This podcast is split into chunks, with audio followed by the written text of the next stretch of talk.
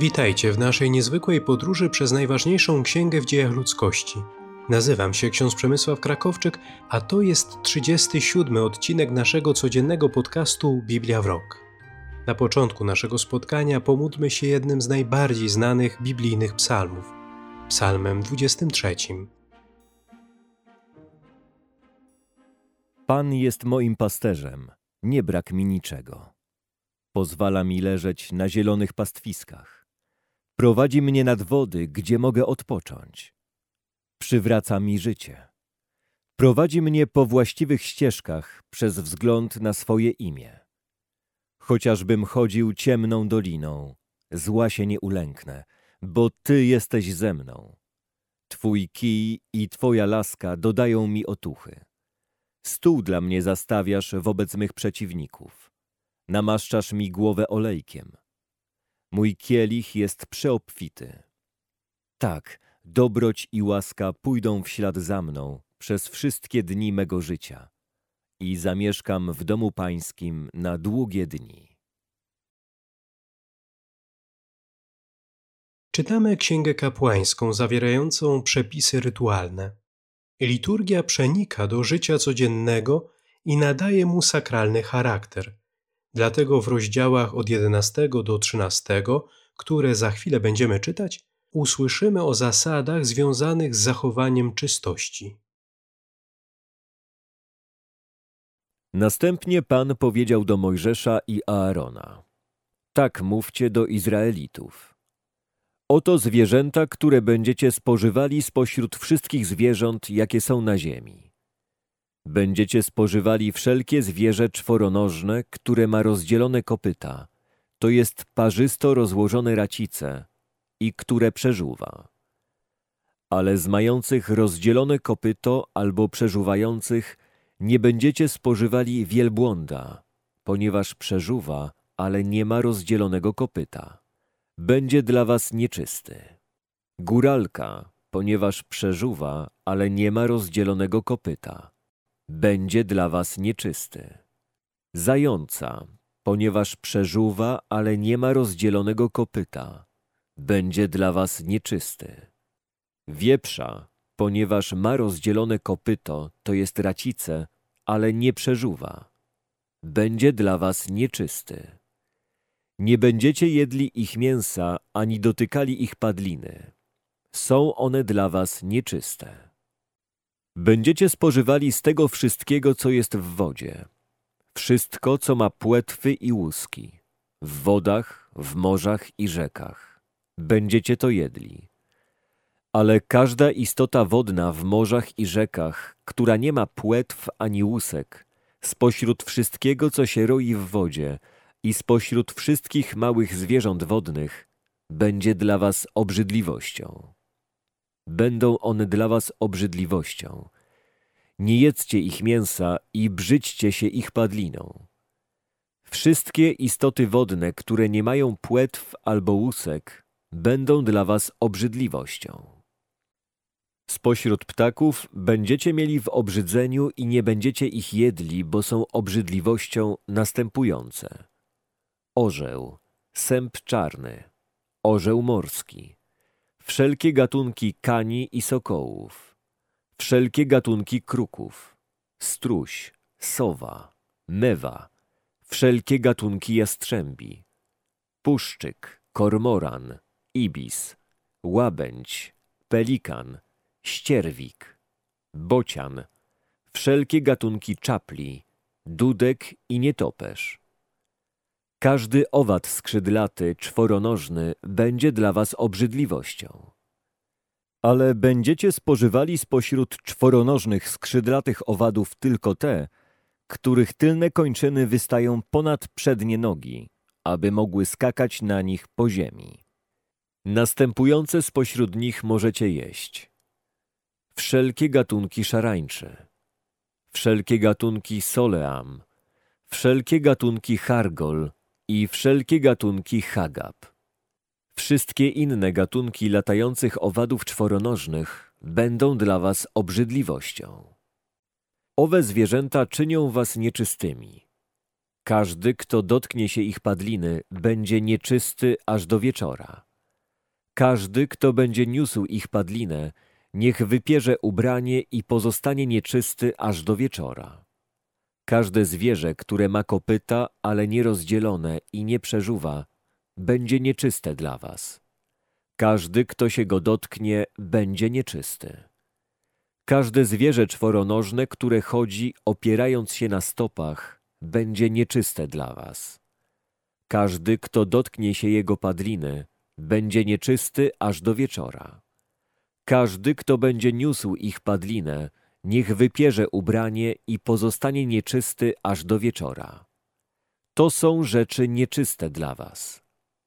Spośród małych zwierząt, które poruszają się na ziemi, następujące są dla was nieczyste. Kret, mysz i wszelkie gatunki jaszczurek, gekon, żółw, salamandra, skolopendra i kameleon. Te są nieczyste dla was spośród małych zwierząt, które poruszają się na ziemi.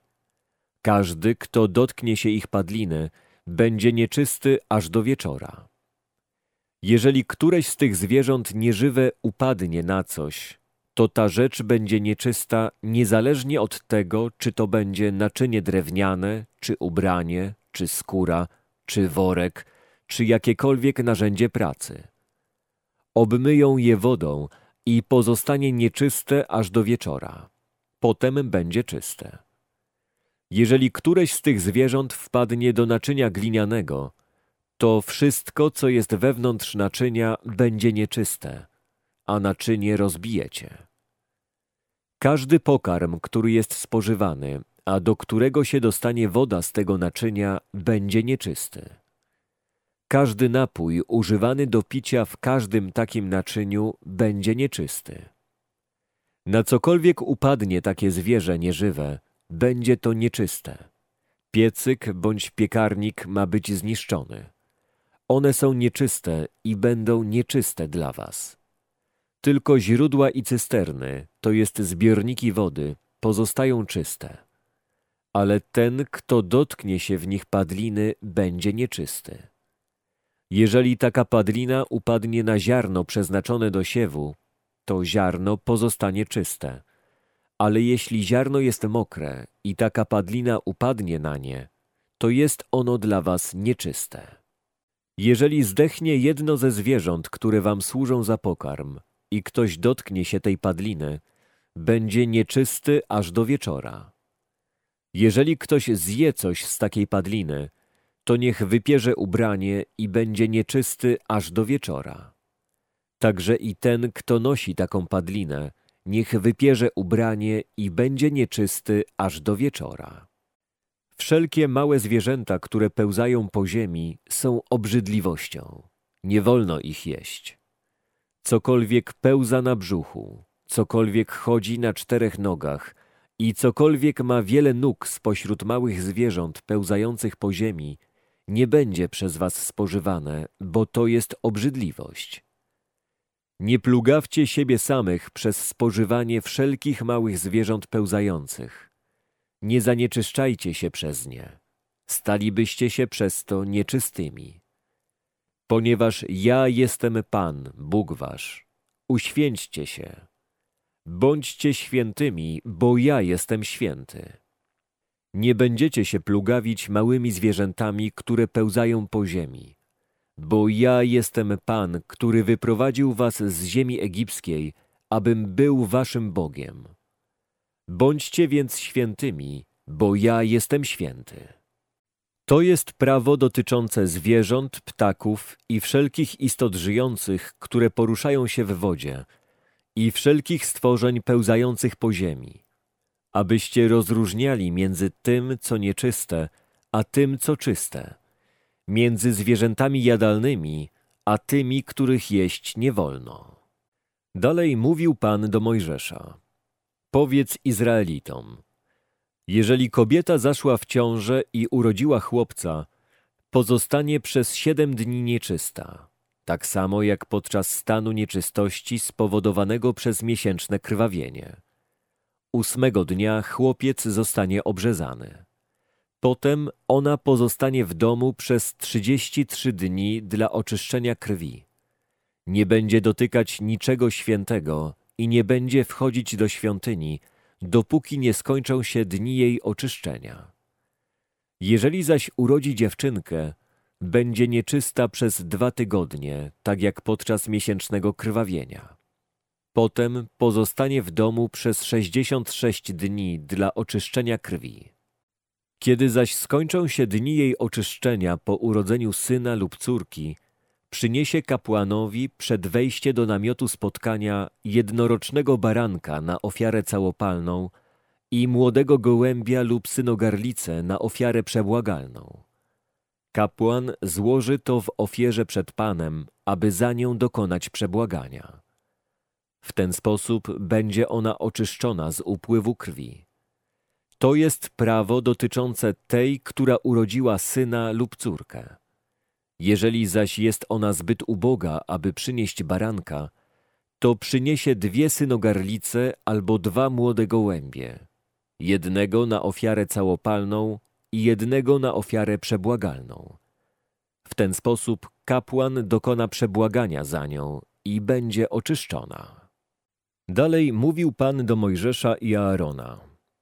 Jeżeli u kogoś na skórze ciała pojawi się nabrzmienie albo wysypka, albo biała plama, która na skórze jego ciała jest oznaką trądu, to przyprowadzą go do kapłana Aarona albo do jednego z jego synów kapłanów. Kapłan obejrzy chore miejsce na skórze ciała.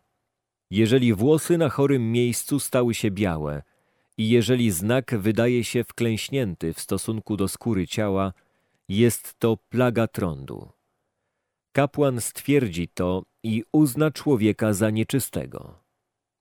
Jeżeli jednak plama na skórze jego ciała jest biała, ale nie wydaje się wklęśnięta w stosunku do skóry i włosy nie pobielały, to kapłan odosobni chorego na siedem dni. Siódmego dnia kapłan go obejrzy. Jeżeli stwierdzi, że plama się nie powiększa, nie rozszerza się na skórze, to odosobni go znowu na siedem dni. Potem siódmego dnia kapłan znowu go obejrzy.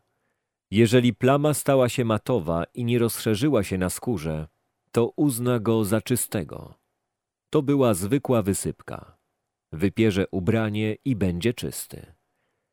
Jeżeli jednak wysypka rozszerzyła się na skórze po stawieniu się chorego przed kapłanem w celu oczyszczenia, w takim przypadku stawi się on przed kapłanem po raz drugi. Kapłan obejrzy go. Jeżeli stwierdzi, że wysypka rozszerzyła się na skórze, uzna go za nieczystego. Jest to trąd. Jeżeli ukaże się na kimś plaga trądu, przyprowadzą go do kapłana. Kiedy kapłan obejrzy go i stwierdzi, że na skórze jego jest białe nabrzmienie, porośnięte białym włosem i żywe mięso na tym nabrzmieniu, oznacza to, że na skórze jego ciała jest trąd zastarzały. Kapłan uzna go za nieczystego. Nie odosobni go, bo on jest nieczysty. Jeżeli zaś trąd mocno wykwitł na skórze i okrywa całą skórę od stóp do głowy, gdziekolwiek spojrzą oczy kapłana, i kapłan stwierdzi, że trąd okrywa całe ciało tamtego, w takim razie uzna go za czystego. Cały stał się biały, a więc jest czysty. Jednak w dniu, w którym się ukaże na nim żywe mięso, będzie nieczysty. Kapłan zobaczy żywe mięso i uzna go za nieczystego. Żywe mięso jest nieczyste, to jest trąd. Jeżeli jednak żywe mięso stanie się znowu białe, to chory przyjdzie do kapłana. Kapłan go obejrzy i jeśli stwierdzi, że chore miejsce stało się białe, to uzna go za czystego. Jest on czysty. Jeżeli na czyimś ciele na skórze pojawi się wrzód i zostanie wyleczony, ale na miejscu wrzodu będzie białe nabrzmienie albo plama biało-czerwonawa, to pokaże się on kapłanowi. Kapłan obejrzy go. Jeżeli stwierdzi, że ta plama zdaje się być wklęśnięta w stosunku do otaczającej skóry i że włosy na niej stały się białe, uzna go za nieczystego. To jest plaga trądu, która wykwitła na wrzodzie. Jeżeli jednak kapłan stwierdzi, że tam nie ma białych włosów, i że ta plama nie jest wklęśnięta w stosunku do otaczającej skóry i że jest ona matowa, to kapłan odosobni go na siedem dni. Jeżeli ona rzeczywiście rozszerzy się na skórze, to kapłan uzna go za nieczystego. Jest to plaga trądu. Jeżeli jednak ta plama pozostanie bez zmiany i nie rozszerzy się, jest to blizna po wrzodzie. Kapłan uzna go za czystego. Jeżeli ktoś ma na swojej skórze oparzeliznę i jeżeli na tej oparzeliźnie uformuje się plama czerwonawa lub biała, to kapłan go obejrzy. Jeżeli stwierdzi, że włosy na plamie pobielały i że wydaje się ona wklęśnięta w stosunku do otaczającej skóry, jest to trąd, który wykwitł na oparzeliźnie. Kapłan uzna go za nieczystego. Jest to plaga trądu.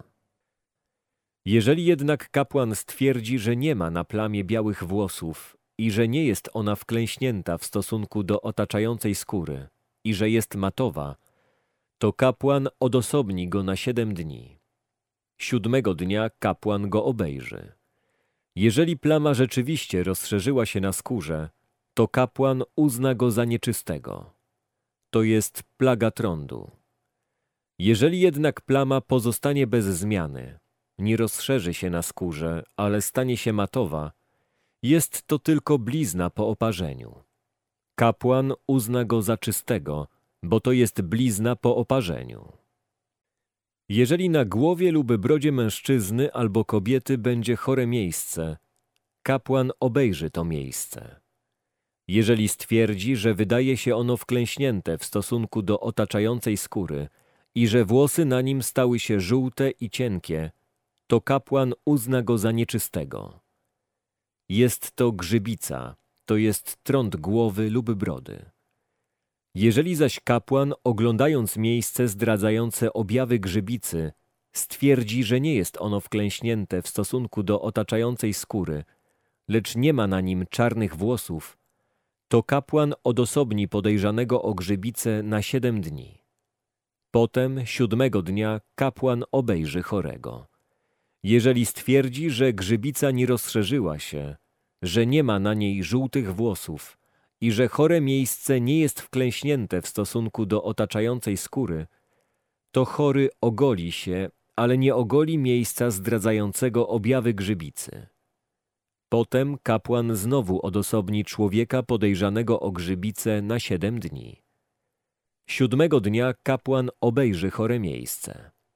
Jeżeli stwierdzi, że grzybica nie rozszerzyła się na skórze i że chore miejsce nie jest wklęśnięte w stosunku do otaczającej skóry, kapłan uzna go za czystego. Wypierze on ubranie i będzie czysty. Jeżeli jednak grzybica będzie się rzeczywiście rozszerzać na jego skórze po oczyszczeniu, to kapłan go obejrzy. Jeżeli stwierdzi, że grzybica rozszerzyła się na skórze, to nie musi szukać żółtych włosów, jest on nieczysty. Ale jeżeli w jego oczach grzybica pozostanie bez zmiany i czarne włosy będą rosnąć na tym miejscu, to znaczy, że grzybica została wyleczona. Jest on czysty i kapłan uzna go za czystego. Jeżeli u mężczyzny lub kobiety ukaże się na skórze wiele białych plam i jeżeli kapłan stwierdzi, że na ich skórze są białe plamy matowe, jest to tylko pokrzywka, która wykwitła na skórze. Taki jest czysty. Jeżeli u kogoś głowa wyłysieje, to jest on łysy i jest on czysty. Jeżeli u kogoś czoło wyłysieje, jest on na pół łysy i także jest czysty. Ale jeżeli na łysinie albo na łysiającym czole ukaże się plama biało-czerwonawa, jest to trąd, który wykwitł na łysinie lub na łysiejącym czole. Jeżeli więc kapłan stwierdzi u niego chorobliwe nabrzmienie biało-czerwonawe na łysinie lub na łysiejącym czole, podobne do trądu na skórze ciała, jest to człowiek trędowaty. Jest on nieczysty. Kapłan uzna go za nieczystego. Jego plaga jest u niego na głowie. Trędowaty, dotknięty tą plagą, będzie miał rozerwane szaty, włosy nieuczesane, brodę zasłoniętą i będzie wołać nieczysty, nieczysty. Przez cały czas trwania tej choroby będzie nieczysty. Będzie mieszkał w odosobnieniu. Jego mieszkanie będzie poza obozem. Jeżeli na jakimś ubraniu pojawi się plaga trądu, czy to na ubraniu wełnianym, czy na ubraniu lnianym, czy to na wątku, czy na osnowie lnu albo wełny, czy też na skórze lub na jakimś przedmiocie skórzanym. Otóż, jeżeli ukaże się plama zielonkawa albo czerwonawa, na ubraniu albo na skórze, na wątku albo na osnowie, albo na jakimś przedmiocie skórzanym, jest to plaga trądu. Należy ją pokazać kapłanowi. Kiedy kapłan obejrzy plagę, odosobni ją na siedem dni. Siódmego dnia obejrzy plagę. Jeżeli plaga rozszerzyła się na ubraniu, albo na wątku, albo na osnowie, albo na skórze, albo na jakimś przedmiocie skórzanym, jest to trąd złośliwy. Przedmiot jest nieczysty. Należy więc spalić ubranie albo wątek, albo osnowę, albo jakikolwiek przedmiot wełniany lub lniany lub skórzany, na którym ukaże się plaga, bo jest to złośliwy trąd. Będzie spalony w ogniu.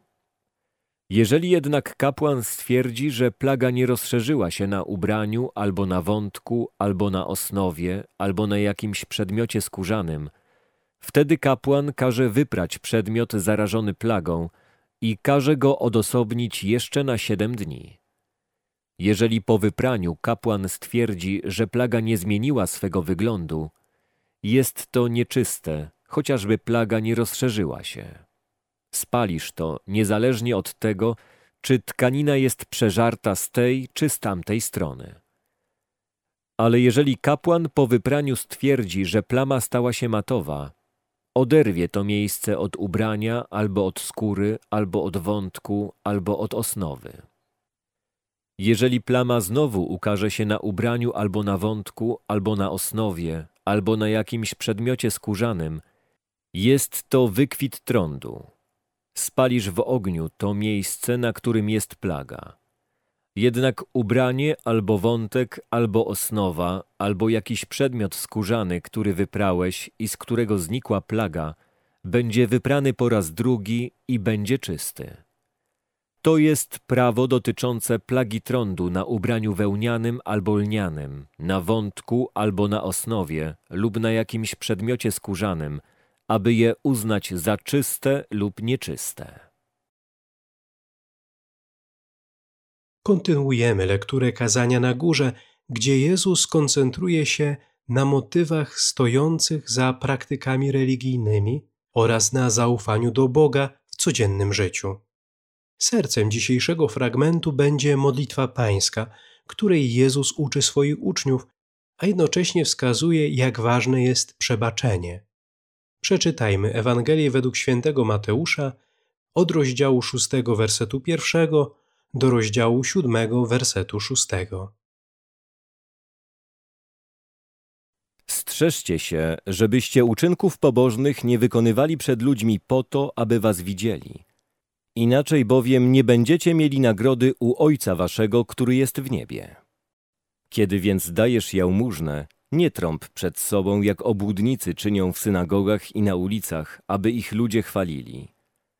Zaprawdę powiadam wam, ci otrzymali już swoją nagrodę. Kiedy zaś ty dajesz jałmużnę, niech nie wie lewa twoja ręka, co czyni prawa, aby twoja jałmużna pozostała w ukryciu, a ojciec twój, który widzi w ukryciu, odda tobie. Gdy się modlicie, nie bądźcie jak obłudnicy, oni to lubią w synagogach i na rogach ulic wystawać i modlić się, żeby się ludziom pokazać. Zaprawdę powiadam wam, otrzymali już swoją nagrodę. Ty zaś, gdy chcesz się modlić, wejdź do swej izdebki, zamknij drzwi i módl się do Ojca Twego, który jest w ukryciu. A Ojciec Twój, który widzi w ukryciu, odda Tobie. Modląc się, nie bądźcie gadatliwi jak poganie – oni myślą, że przez wzgląd na swe wielomóstwo będą wysłuchani. Nie bądźcie podobni do nich. Albowiem wie Ojciec Wasz, czego Wam potrzeba, zanim jeszcze Go poprosicie. Wy zatem tak się módlcie. Ojcze nasz, który jesteś w niebie, niech się święci Twoje imię, niech przyjdzie Twoje królestwo, niech Twoja wola się spełnia na ziemi, tak jak w niebie. Naszego chleba powszedniego daj nam dzisiaj i przebacz nam nasze winy, tak jak i my przebaczamy tym, którzy przeciw nam zawinili. I nie dopuść, abyśmy ulegli pokusie, ale nas zachowaj od złego. Jeśli bowiem przebaczycie ludziom ich przewinienia, i wam przebaczy Ojciec wasz niebieski. Lecz jeśli nie przebaczycie ludziom, Ojciec wasz nie przebaczy wam także waszych przewinień. Kiedy pościcie, nie bądźcie posępni jak obłudnicy. Przybierają oni wygląd ponury, aby pokazać ludziom, że poszczą. Zaprawdę powiadam wam, już odebrali swoją nagrodę. Ty zaś, gdy pościsz, namaść sobie głowę i obmyj twarz, aby nie ludziom pokazać, że pościsz, ale Ojcu Twemu, który jest w ukryciu. A Ojciec Twój, który widzi w ukryciu, odda Tobie. Nie gromadźcie sobie skarbów na ziemi, gdzie mól i rdza niszczą i gdzie złodzieje włamują się i kradną. Gromadźcie sobie skarby w niebie, gdzie ani mól, ani rdza nie niszczą i gdzie złodzieje nie włamują się i nie kradną. Bo gdzie jest Twój skarb, tam będzie i serce Twoje. Światłem ciała jest oko. Jeśli więc Twoje oko jest zdrowe, całe Twoje ciało będzie rozświetlone. Lecz jeśli Twoje oko jest chore, całe Twoje ciało będzie w ciemności. Jeśli więc światło, które jest w Tobie, jest ciemnością, jakże wielka to ciemność. Nikt nie może dwom panom służyć, bo albo jednego będzie nienawidził, a drugiego miłował, albo z jednym będzie trzymał, a drugim wzgardzi. Nie możecie służyć Bogu i mamonie. Dlatego powiadam wam, nie martwcie się o swoje życie, o to, co macie jeść i pić, ani o swoje ciało, czym się macie przyodziać. Czyż życie nie znaczy więcej niż pokarm, a ciało więcej niż odzienie? Przypatrzcie się ptakom podniebnym. Nie sieją ani nie żną i nie zbierają do spichlerzy, a Ojciec wasz niebieski je żywi. Czyż wy nie jesteście ważniejsi niż one? Kto z was, martwiąc się, może choćby jedną chwilę dołożyć do wieku swego życia? A o odzienie czemu się martwicie? Przypatrzcie się liliom polnym, jak rosną. Nie pracują ani nie przędą. A powiadam wam, nawet Salomon w całym swym przepychu nie był tak ubrany jak jedna z nich. Jeśli więc ziele polne, które dziś jest, a jutro do pieca będzie wrzucone, Bóg tak przyodziewa, to czyż nie tym bardziej was, ludzie małej wiary? Nie martwcie się zatem i nie mówcie, co będziemy jedli, co będziemy pili, czym będziemy się przyodziewali. Bo o to wszystko poganie zabiegają. Przecież Ojciec Wasz Niebieski wie, że tego wszystkiego potrzebujecie. Starajcie się naprzód o Królestwo Boga i o Jego sprawiedliwość, a to wszystko będzie Wam dodane. Nie martwcie się więc o jutro, bo jutrzejszy dzień sam o siebie martwić się będzie. Dosyć ma dzień każdy swojej biedy. Nie sądźcie, abyście nie byli sądzeni, bo takim sądem, jakim sądzicie, i was osądzą – i taką miarą, jaką wy mierzycie, wam odmierzą. Czemu to widzisz drzazgę w oku swego brata, a nie dostrzegasz belki we własnym oku? Albo jak możesz mówić swemu bratu, pozwól, że usunę drzazgę z twego oka, podczas gdy belka tkwi w twoim oku. Obłudniku, usuń najpierw belkę ze swego oka, a wtedy przejrzysz, ażeby usunąć drzazgę z oka twego brata. Nie dawajcie psom tego, co święte, i nie rzucajcie swych pereł przed świnie, by ich nie podeptały nogami i obróciwszy się, nie poszarpały was samych. Dziękuję za dzisiejsze spotkanie ze Słowem Bożym i zapraszam jutro. Do usłyszenia.